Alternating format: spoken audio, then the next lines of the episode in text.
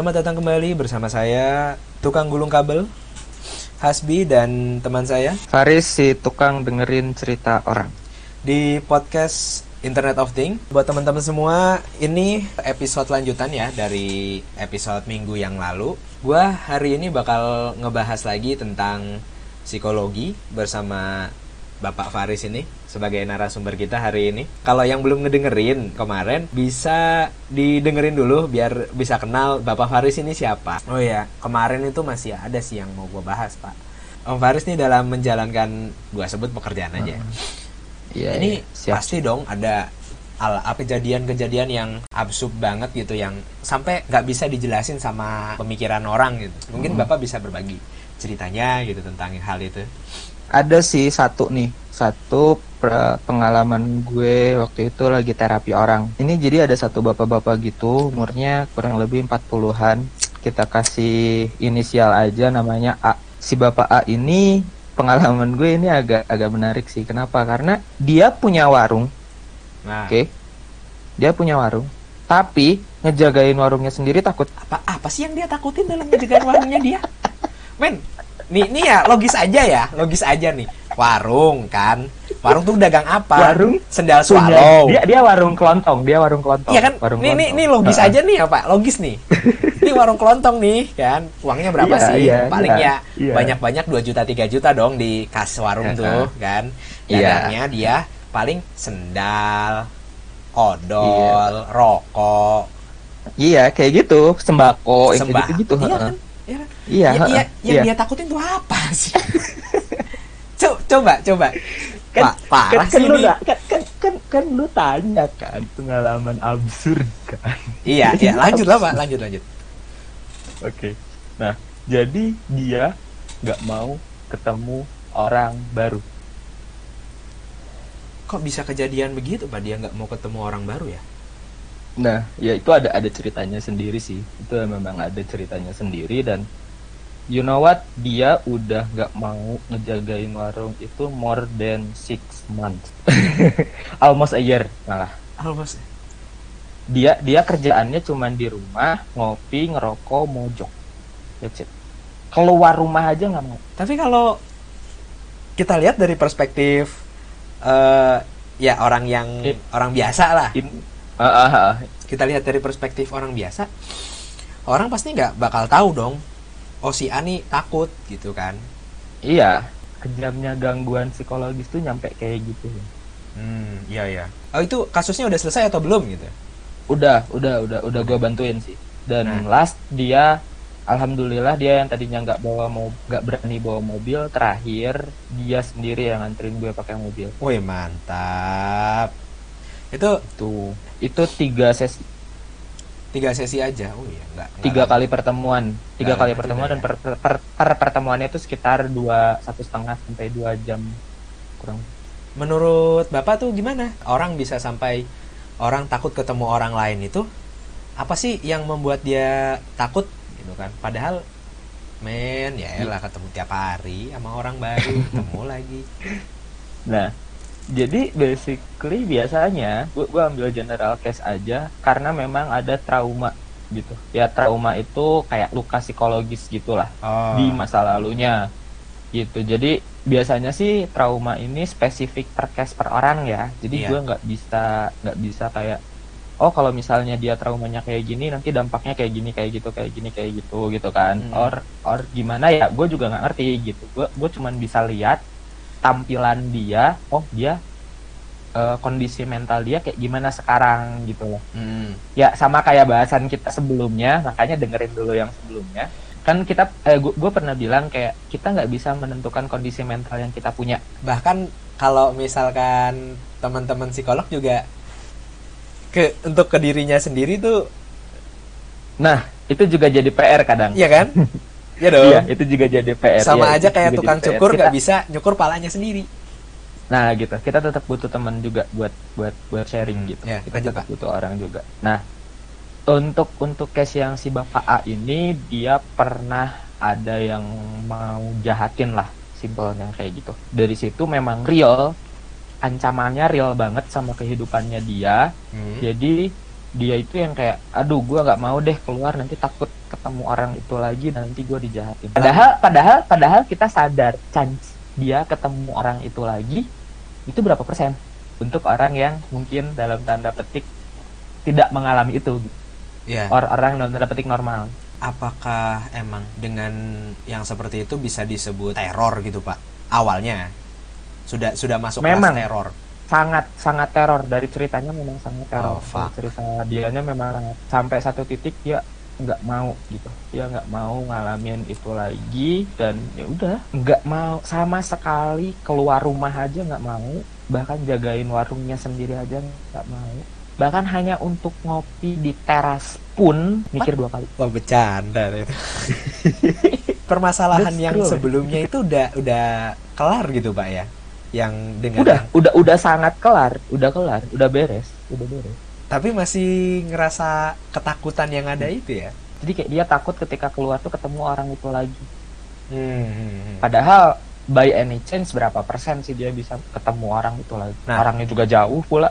ya gus gus sih ngebayanginnya gini ya pak prosesnya itu kan katanya tiga kali pertemuan ya pertemuannya tuh kayak gimana sih Jelasin dari step yang gue kerjain dulu. Pertama, gue analisa dulu, gue ngobrol dulu. Kenapa dia bisa kayak gitu? Sampai gue dapet satu titik, oh ternyata dia masalahnya ada di sini, ada di sini, ada di sini, ada di sini. hmm. dan gue gali lagi gue gali lagi gue lagi sampai dapat satu titik or dua titik di mana buat nentuin kayak step satu or pertemuan pertama apa yang perlu gue kerjain sama beliau sama sama si klien ini ternyata si klien ini yang tadi gue ceritain dia punya trauma sama satu orang sama ya sama sama seseorang gitu yang Iya. bikin dia nggak mau keluar rumah gitu kan Nah di step satu gue prosesnya gue pisahin antara si memori sama emosinya dan gue kuras emosinya. Jadi kayak gue ya semi SQ gitulah Hmm. sesi pertama. Jadi biar kan kadang kita itu jadi di proses ini di sesi pertama ini gue pengen kayak biar dia tuh si ketakutannya itu keluar dulu gitu. Gue nguras ketakutannya. Apa yang bikin dia takut dan kenapa dia bisa takut dan segala hal tentang takutnya itu. Ya. Ambil gua nyari titik poin untuk keduanya sesi keduanya. Nah sesi keduanya adalah ngebenahin si pikirannya itu. Kan otak manusia tuh sangat asosiatif sekali ya. Ya. Maksudnya gini ketika misalnya lu pertama kali ngelihat kecoa dan nyokap lu teriak padahal lu nggak tahu kecoa itu menyeramkan menyenangkan lucu atau apa gitu kan? Ya nggak sih? Kecoa di sini lucu lucu awalnya awalnya awalnya kita nggak tahu kan? Iya. awalnya kita nggak tahu kalau misalnya si kecoa itu apakah lucu nyeremin bisa gigit bisa makan orang atau Wadaw. apa gitu kan? Kita nggak tahu kan? Kita nggak tahu kan awalnya. Hmm. tapi ketika kita ngelihat nyokap misalnya atau misalnya ngelihat nenek kita ngelihat kecoa dan teriak kita jadi asosiasi bahwa oh kalau ada kecoa kita harus ngereakin nih gitu. Gak logis anjay. Ih, Tapi- tapi itu terjadi dong. real.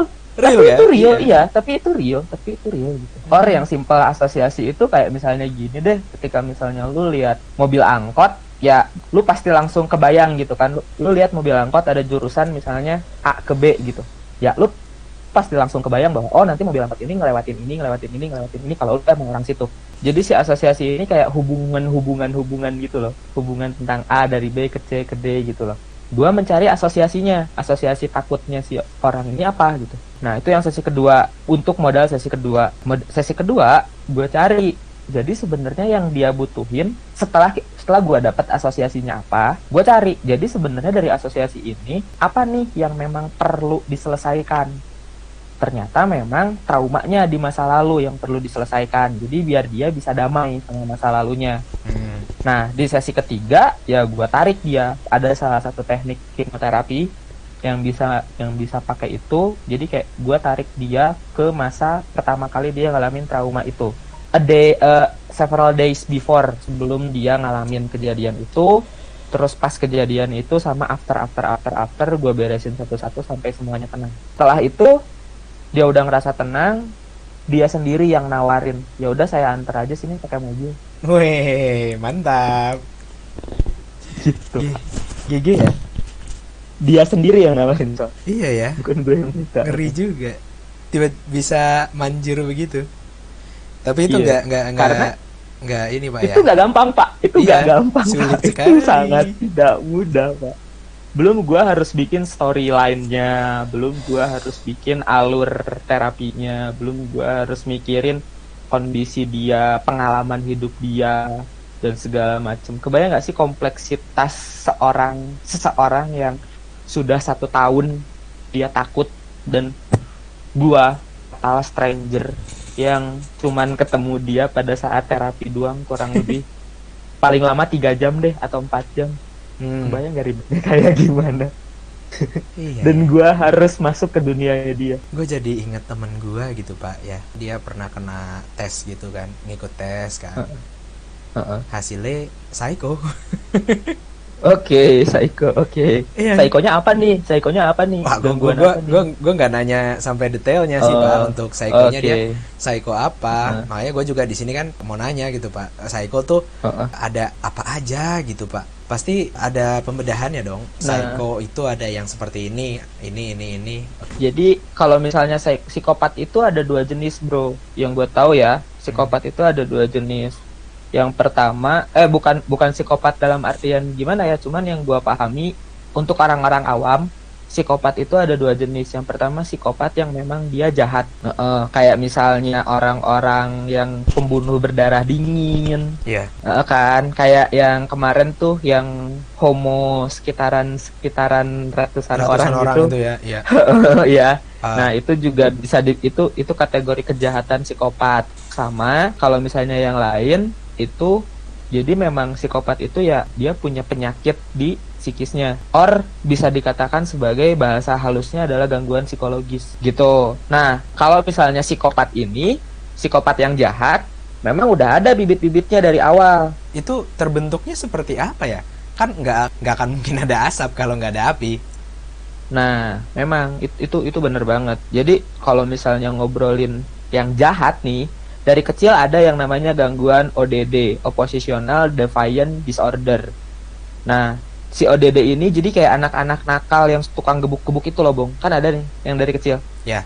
Ya nggak sih? ada ketika lah. misalnya kecil, ketika misalnya kecil terus nakal kayak misalnya dia kesel sama orang terus gebuk gitu kan. Dia kecil terus gebuk, terus udah gitu dia dia disuruh minta maaf nggak mau, malah balik dendam ke orang yang laporinnya, malah bukan cuma orang yang laporin ya gurunya juga jadi dendam. masya allah Iya kan? Ada, Bener sih? Nah, ada. oh, oh, ada kan? Ada kan? Nah, dari situ terus muncul lagi semakin dewasa dia semakin menjadi jadilah. Nah, semakin lama semakin menjadi jadi terus kayak ya ibaratnya kayak lu udah punya bibitnya terus disiramin terus terus disiramin terus gitu kan. Yang kayak gitu Hmm. biasanya ketemu sama tipikal yang sama lagi ya nggak sih? ya kadang-kadang ketemu yang sama sih emang Eh, eh, dan pada momen saat ketemu yang sama itu makin banyaklah pupuknya jadi makin Hmm. nakal lagi makin nakal lagi makin Hmm. nakal lagi. In the end ya that's the process gitu loh. Jadi jadi basically memang begitupun ketika misalnya ngobrolin gangguan psikologis gitu loh. Saya misalnya depresi yang sering banyak orang kaitkan eh yang sering banyak orang bilang dan salah paham soal depresi. Nah depresi pun kayak gitu. Ketika misalnya pertama dari dari kecil sebenarnya bong bibitnya udah ada dari kecil sebenarnya dan lingkungan itu sangat mempengaruhi. Misalnya ketika orang depresi depresi itu kan cenderung sama menyendiri. Menyendiri murung nampak sedih ya kan? Hmm. ya yang sering yang sering itu. Nah dari situ makin gede makin gede ya udah mah dia terbiasa menyendiri. Terus kebayang nggak sih lu ketika misalnya lu terbiasa menyendiri dan lu pengen punya temen? How hard it is? Ya pasti sulit iya lah. gak sih? Sulit lah. nah that's it semakin semakin gede dia pengen punya teman tapi dia ngerasa sendiri terus gitu. Iya kan? Logis Jelas gak lah. sih? Ketika misalnya ketika misalnya makin lama makin gede makin gede terus Hmm. ketika dia cerita nggak ada yang respon sesuai dengan dia harapkan. Yang ada malah ah lu lebay gitu aja baper. Ah apa sih lu? Nggak ini banget nggak elit Hmm. banget penyakit apa nggak ini banget. Sedikit dikit nangis dikit dikit nangis dikit baper respon-respon kayak gitu yang ada malah bikin orang itu makin kayak ah udah kayak gue nggak nggak mungkin deh bisa nggak kayak gue nggak butuh orang lain deh sampai akhirnya Logis ada yang sih? menutup Logis diri sih? sendiri Logis nggak sih? nah that's it karena dia udah ngerasa nggak bisa nggak bisa beradaptasi di lingkungan Hmm. dia udah ngerasa hidupnya sendiri dia mau ngerjain sesuatu juga susah karena memang dia sendirian terus Hmm. mau jalanin hubungan mau jalanin hubungan romansa juga dia nggak sebegitu bagusnya sosial skillnya. Ya. dia juga ngerasa tampilannya pas-pasan. Belum lagi mungkin dia dapat body shaming. Mungkin lagi biasanya yang depresi itu identik sama kadang korban bully juga. Ah, pada akhirnya mau ngomong apa lagi? Udah gue mati aja.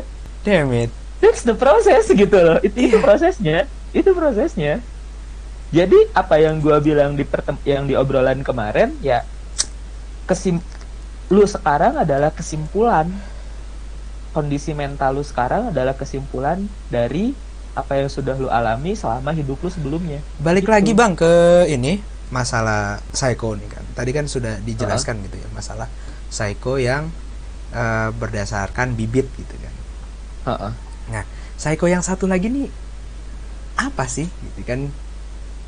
Ya, jadi sebenarnya bu, eh, psycho psycho ini tuh dua-duanya sama bong basicnya cuman orang awam gitu loh. Orang awam ada yang bilang psikopat itu adalah gangguan untuk yang kejahatan-kejahatan gitu loh.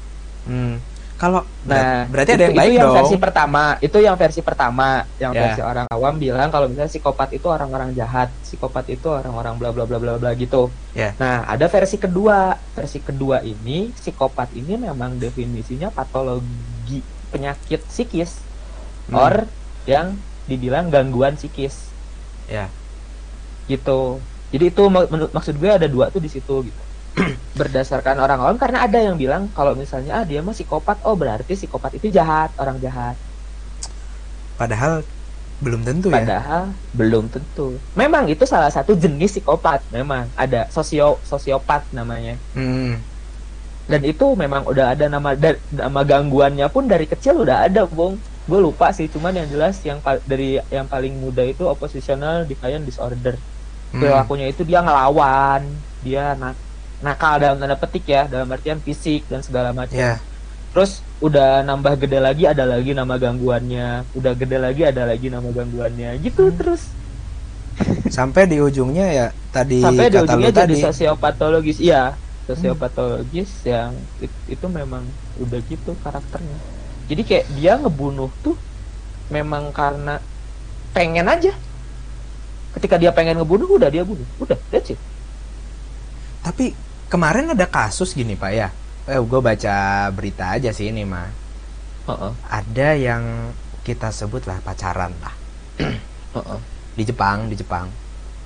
Anjir mainannya Jepang. Oke oke. Terus terus. Wadaw, kita kan Jakmania. Anjing. Oke, terus terus. Nah, Ah, lu ada- nonton Ecchi aja berdiri anjing. Wadaw. Egg Sensor, restricted on the way. Oke oke. Terus terus. kan di sana ada yang pacaran, Pak. Eh, ya, Ah. cewek cowok, cewek cowok. Enggak, enggak homo. Ya, ya, ya. Oh iya iya. Sahabat, kalau homo kan nanti lu nyari ya. Ogah. anjing. Nah. Gua bukan gua bukan orang Inggris yang satu itu no. Oh, enggak itu orang Indonesia, Pak. Tinggalnya di Inggris, Pak. Enggak ada, enggak ada, enggak ada, enggak ada, enggak ada. Orang Indonesia Terus, itu. Malu-maluin emang. Iya. Gima lah. Nah, Bang. si ceweknya ini sampai nusuk si pacarnya pas lagi ngedate saking Mm. nggak mau kehilangan pacarnya. Katanya seperti itu. That's possible karena yang waktu itu kan gini, ketika misalnya ngobrolin soal pasa- pacaran nih, pacaran. Hmm. Nah, pacaran itu kan eh, ada kayak rasa saling memiliki gitu kan. Ya. Ya enggak sih? Itu sebenarnya kasusnya kurang lebih sama kayak film-film Indosiar, cuman lebih ekstrim. Lu nonton nggak film-film Indosiar? Bukan yang azab tapi ya yang kayak Saya nontonnya cuma azab, namanya? Pak, masalahnya. oh, bukan, ada ada makanya lu lu tonton satu episode deh.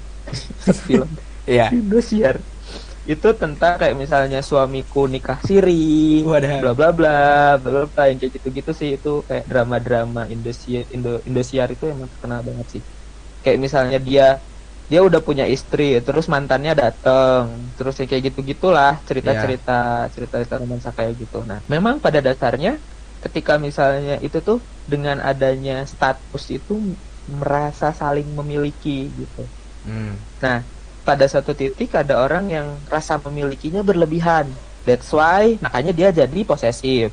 Hmm. Nah, dari posesif itu semakin dia kuat rasa memilikinya maka semakin ingin mempertahankan si pasangan itu Nah, terlepas dari pasangannya baik buruk punya perilaku yang menyenangkan atau menyebalkan atau apa pun mm, ya, terlepas dari terlepas dari kualitas pasangannya ya si orang ini mau terus mempertahankan orang itu gitu mm. sampai pada satu titik ekstrim nggak boleh ada yang punya dia selain gue. Pada satu titik ekstrim. Kenapa? Karena dia udah sangat nyaman sama orang itu. Dia ngerasa bahwa kehidupan dia adalah orang itu. Nah ketika misalnya ada dua nih bong kecenderungannya ada yang diarahkan ke dalam ada yang diarahkan keluar. Kalau diarahkan ke dalam itu artinya ketika misalnya pasangannya meninggal eh, ketika pasangannya meninggalkan dia bukan meninggal ya. Mm. ketika pasangannya meninggalkan dia dia cenderung gue udah nggak bisa apa-apa tanpa dia. Ya udah gue mati aja. Oh, jadi kayak self self harming gitu ya? nah awalnya mungkin dari self harming in the end dia bisa suicide. Ah, fuck. gara-gara gara-gara ditinggalin pasangannya. Ya. or yang dia keluar. Keluar ini juga bisa dua. Bisa ke pasangannya jadi dalam artian karena ini banyak orang yang mau sama dia ya udah sini gua bunuh aja dianya biar gua bisa bareng terus sama dia mungkin bisa diawetin nanti si mayatnya Nekropil. itu salah satunya kayak gitu bisa kayak gitu or bisa kayak siapa pun yang ngedeketin dia si siapa pun yang ngedeketin si cewek ini ada cewek ada cewek lain yang mau ngedeketin cowok itu ya saya misalnya kalau itunya cewek ya Ya. ya ya ancem mungkin sangat mungkin Iya sih. Ya banyak Gitu. kejadian juga, Pak, kalau kalau Iya. sampai ngancem-ngancem gitu. Heeh. Nah itu berarti orientasinya diarahin keluar tapi ke orang yang ngedeketin si cowoknya gitu bong penjelasannya. Satu saat pasti ketemu teman gue lagi yang ya orangnya serada koplak itulah psycho. Tapi kan menurut gue dia masih nggak terlalu ini sih. Tapi ketika satu saat gue bertemu dengan orang gitu yang punya kita sebut eh, kondisi yang seperti gangguan itu, psikologis aja iya iya gangguan psikologis psikologis, itu apa sih yang bisa gue lakuin tuh? Gimana caranya gue Eh, dealing dengan dia gitu tanpa membahayakan diri pertama, gue? Pertama lu perlu perlu kenali dulu karena gangguan psikologis itu ada tiga level bong. Hmm, Pertama ada yang namanya sehat secara mental. Nah Ya. ini tuh yang beneran sehat dalam artian dia bisa adaptasi dan segala macem gitu. ya. Hidupnya bahagia dan segala macem lah pokoknya gitu. Ini hidup hidup orang perfect gitulah. Hmm, Perfect banget pokoknya sehat secara mental ini. ya. Nah, yang kedua ada orang yang normal bermasalah. Nah, normal bermasalah tuh macam-macam cipta ini, Bong. Jadi kayak kita punya kita punya trauma, kita punya luka. Jadi, nah tapi tapi kita masih bisa beradaptasi di lingkungan dengan baik. Hmm, Nah, yang ketiga ini orang yang sakit mental. Nah, orang yang sakit mental ini indikasinya dari mana dia udah rada keganggu di kehidupan realitanya. Nah, kalau misalnya mau ngomongin jenis-jenis gangguan psikologis banyak. Lu bisa cari di yang kemarin buku panduan itu di DSM 5. Sekarang tuh ada DSM 5 sama ada eh, PPDGJ gue ada sih sebenarnya ini buku psikologi abnormal juga ada di bawah tapi ya ada beberapa jenis gangguan juga gitu ada Iya. beberapa jenis gangguan dan eh, banyak sih kayak misalnya gangguan kecemasan misalnya. Hmm. gangguan kecemasan itu efeknya kayak orang itu jadi cemas-cemas cemas-cemas khawatir takut gitu. Contohnya yang kalau misalnya yang kemarin yang kita bahas itu orang yang takut meninggal gitu. Terus kayak misalnya nih yang barusan diceritain si bapak-bapak ini yang si bapak A ini hmm, ini juga dia masuknya gangguan kecemasan. Ya. ada beberapa jenisnya lagi gitu kan. Terus ada juga yang kerjaannya tuh namanya obsesif obsesif compulsive disorder. Jadi dia kayak ngelakuin sesuatu berulang berulang berulang gitu sampai dia ngerasa puas. Ini juga something yang absurd sih kayak misalnya lu udah cuci tangan sekali terus kayak lu ngerasa ah ini tangannya masih belum bersih balik lagi cuci tangan lagi udah beres balik ke- balik lagi ke kamar udah gitu ini masih belum bersih balik lagi cuci lagi tangannya gitu. Terus itu kerjaannya kayak gitu terus gitu. Itu obsessive compulsive disorder terus ada itu yang dari gangguan kecemasan jadi munculin kecemasan-kecemasan tertentu disebabkan sama ada triggernya terus ada gangguan mood nah ini juga nih yang sering di iniin yang depresi Hmm, depresi sama bipolar Ya. familiar sama istilah bipolar. Nah, ada lagi satu lagi yang namanya mania atau manik. Maniak itu kebalikannya dari si eh, ini, dari kebalikannya dari si dep- depresi. Gue ada juga nih kasus yang menurut gue keren anjir untuk Coba, coba, ini. coba, coba, coba. Kita kasih dengar pendengar kita malam ini. Jadi gue punya subjek nih kemarin subjek skripsi gitu, subjek skripsi. Nah, beliau ini udah diduga, udah bukan diduga, udah ditegakkan diagnosanya kalau dia punya bipolar. Ya. gitu. Nah kalau kondisi depresi udah jelas lah endingnya bakal ngerasa sendiri, muncul keinginan untuk bunuh diri. Tapi kalau mania ini, ini yang mania yang jarang dibahas. Lu kebayang nggak, Bo? Dalam seminggu, Ya. oke? Lu bolak-balik Jakarta Bandung, nyetir sendirian, nggak pakai istirahat. Nah, terus emang, emang badannya keep up enggak itu? Badannya keep up, semuanya oke, nothing problem selama seminggu itu. Terus setelah seminggu? Dan setelah seminggu normal, nggak ada masalah apa-apa.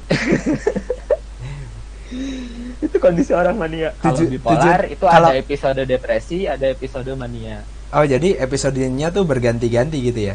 Iya, ganti-ganti kalau bipolar. Jadi satu saat dia depresi, Ada satu fase di mana dia depresi, ada satu fase di mana dia mania dan itu nggak bisa dia kontrol dan muncul seenak jidat si gangguannya. ngeganggu banget sih itu sih untuk kehidupan Jadi normal. ada ada fase di mana tiba-tiba kayak lu lagi sedih terus entah kenapa ke trigger something ya kayak tiba-tiba langsung seneng. Udah gitu sedih lagi, seneng lagi. Gue gue punya teman satu lagi pak. Dia kalau kata dokternya kena skizo, Oke. skizofrenia. Heeh. Gue gue pernah ngobrol sama dia anjing susah, susah Iya, banget. iya, iya. Segala- Itu sizo, itu schizophrenia. Nah, itu nah, itu yang yang gue bilang udah keganggu si kondisi realitanya terhadap gangguan apa namanya ada pengaruh dia terhadap adaptasi dari di realitanya yaitu schizophrenia itu salah satu kasus ekstrim. Iya. Dan schizophrenia ini juga ada banyak ada banyak jenisnya pak. Jadi ada yang memang dia biasanya schizophrenia ini punya punya something yang namanya halusinasi halusinasi atau misalnya ada yang namanya delusi dan Hmm. itu tuh jadi halusinasi itu yang kayak lu lu hal, halu gimana sih halu? Kalau delusi ini gimana ya gua jelasinnya? Jadi something wrong with bukan something wrong sih something happen in sesuatu terjadi hanya di pikirannya sendiri lah gitu. Jadi bisa jadi munculin yang nggak ada bisa jadi nggak adain yang udah ada bisa ngerasa dia jadi presiden bisa dia ngerasa jadi dia ngerasa jadi penyanyi. In the end eh ada juga jenis bukan in the end sih ada, ada juga jenis yang itu sudah masuk ke gangguan fisiknya. Jadi kayak kadang ada suka gerakan-gerakan fisik tertentu yang ritmik muncul. Iya iya iya, gue gue gue gue ngelihat dia ada pergerakan gitu-gitu. Eh, eh, dan itu gerakannya sama ritmik dan nggak bisa dikontrol. Iya iya iya. Ada. Dia dia gitu. Eh, eh, nah itu kategorinya masuknya schizophrenia yang hebephrenic. Kalau yang ada gangguan gitu-gitunya. Itu juga macam-macam jenisnya schizophrenia. Ada banyak sebenarnya gangguan psikologi. Anjir. sekitar 10 kategori. Yang pertama ada gangguan kecemasan. Gangguan ke- gangguan kecemasan ini termasuk fobia salah satunya. Terus ada gangguan panik. Ya. ini nanti bisa di search sendiri ya karena gua nggak mungkin jelasin. Kalau bisa dijelasin Jangan, Pak. dan subuh Adan subuh nanti kita baru kelar podcastnya ini pak. Jadi ada yang namanya gangguan kecemasan atau gangguan ansietas itu ada fobia. Fobia juga jenis gangguan juga. Terus ada gangguan panik itu kayak lu tiba-tiba panik gitu. Ya. Heeh, lu tiba-tiba panik. Terus ada gangguan ansietas menyeluruh. Ini kayak lu eh, atau GAD namanya, Generalized Anxiety Disorder. Ini kayak lu entah kenapa selalu ngerasa khawatir setiap saat Hmm. Bener gak sih? Hidup lu hidup lu itu kayak lu pengen mandi aja khawatir. Ada kuman di itunya yang bikin lu tiba-tiba kena cancer misalnya. Anjay. pikiran-pikiran absurd gitu selalu muncul. Obsessive compulsive disorder yang tadi udah gue jelasin yang ngulang-ngulang cuci tangan orang cek pintu biasanya malam-malam. Ya. ketika misalnya udah di pintu dicek terus kayak eh bentar pintu tadi udah dicek belum ya? terus jalan lagi cek lagi ya udah. Terus lagi eh bentar tadi pintu udah dicek belum eh kayak gitu Hmm. sama eh, ada PTSD atau post traumatic stress disorder ini biasanya kaitannya sama eh, pengalaman di masa lalu lu kayak misalnya orang kena ger- gem- apa namanya kena gempa atau misalnya pernah ada something yang traumatis Hmm. biasanya ketika mau kembali mengingat itu orang ada event yang mirip-mirip itu selalu muncul kecemasannya Hmm. terus ada yang gangguan eh, ini gangguan fisik gitu gangguan fisik yang eh, disebabkan oleh penyakit psikis namanya psikosomatis. Ya. ini macam-macam juga. Terus ada yang namanya gangguan disosiatif atau misalnya ini kaitannya sama memori gitu. Jadi kayak misalnya amnesia. Terus ada yang namanya fugu fugu dis fugu disorder atau fugu disosiatif. Itu kayak dia udah dia totally pengen lupa sama identitasnya yang sekarang dan bikin baru Banyak ya Pak ya. dia udah ngerasa hidup dia udah nggak nggak faedah. Dia pengen lupain masa lalunya yang sekarang dan dia pindah totally pindah ke total random place yang baru dan dia ingin punya identitas baru. Iya. terus gangguan makan. Hmm, Gangguan. gangguan makan. Kayak misalnya anoreksia Ah, sama bulimia. Itu jadi kayak lu udah makan tapi dicolok lagi mulut terus dimuntahin lagi Ih, ya Allah. gara-gara lu nggak mau gendut jadi kayak lu udah makan lu Ah. makan terus dicolok-colok gitu ke mulut sampai muntah lagi makanannya keluar lagi Ah, kurang lebih gangguannya kayak gitu itu terus ada gangguan schizofren itu juga macam-macam schizofrennya Hmm. Jadi schizofren ini basically kayak dia punya rea punya realitanya sendiri lah Dual Simpelnya. dual realitas gitu, Pak. bisa jadi lebih Damn. tapi realita yang lain nggak bisa dia cerit nggak orang lain nggak nggak nggak bisa ngerti realita yang dia punya itu Hmm. gitu. jadi hanya memang dia dan dunianya lah terus udah gitu yang ya gangguan sama penggunaan zat kayak misalnya narkoba dan lain-lain yang kayak gitu gitu oh itu juga ada. Terus ada gangguan kepribadian kayak misalnya orang yang paranoid. Hmm. misalnya dia takut-takutan banget gitu terus kepribadian narsis. Nah yang tadi tuh psikopat itu eh, namanya antisosial. Iya. Mm-mm, gitu. Itu antisosial. Terus ada yang apa namanya ada yang saling ada yang menggantungkan dirinya ke orang lain dan lain-lain yang kayak gitu. Tapi di sini titik tolaknya adalah titik tolak yang disebut gangguan itu adalah dia sudah sulit gitu. Dia udah sulit untuk bisa adaptasi di realita. Ya. itu titiknya itu titiknya. Nah terus ada gangguan seksual juga yang kemarin itu salah satunya ada ada orang yang namanya eksibisionisme Hmm. itu kayak dia eh, Di tempat umum. apa namanya di tempat umum Damn. nunjukin nunjukin yang dia punya di tempat Iya. umum Yang lempar bom itu, Pak. Hmm. Iya. itu terus ada juga yang fetish ngambil barang-barang lawan jenis dan Ya. punya bau-bau tertentu terus Ya, dia ya. ciumin sendiri heeh. terus ada yang tukang gesek-gesek Hmm. Itu namanya apa sih antara voyeurisme atau fraterisme gitu Ya. itu gesek-gesek gitu punya Nah. keperluan punya ya punya itunya gitu di situ terus ada gangguan gangguan di masa anak-anak ada kayak ADHD Ya. kan sering banget tuh heeh. nah ada gitu sih retardasi mental dan segala macem Banyak banget ya, Pak ya? itu sih memang banyak pak Wah, gila ini. Gua sih udah gua gua sih kalau mikirnya gitu Pak ya, ah, anjay gua kira nggak nggak nggak terlalu banyak gitu ya jenis-jenisnya. Ternyata setelah dijabarkan banyak Iya, setelah dijabarkan sama Bapak itu bisa uh banyak banget anjay. Ini mah udah kayak kuliah. Cuk.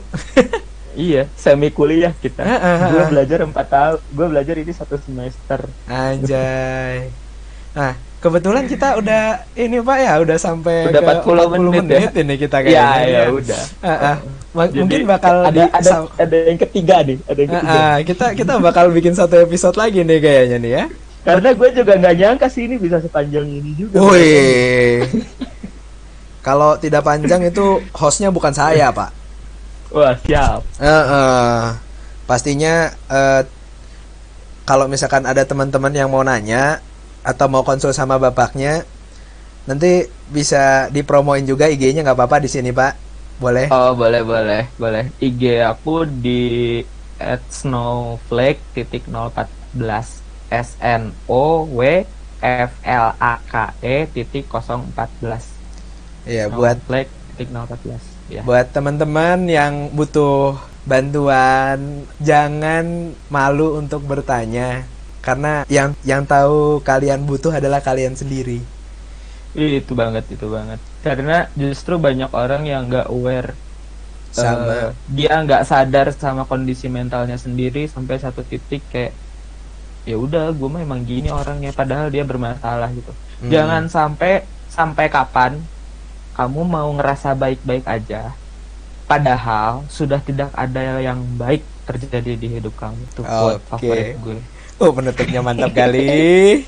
Terima kasih buat teman-teman yang udah ngedengerin sampai akhir. eh gua tutup dulu di sini. Selamat pagi, siang, sore, malam, lah, terserah kalian mau dengerin jam berapa aja bodo amat. yang penting dengerin. Bertemu lagi nanti sama saya tukang gulung kabel Hasbi dan Faris tukang dengerin orang curhat akhir kata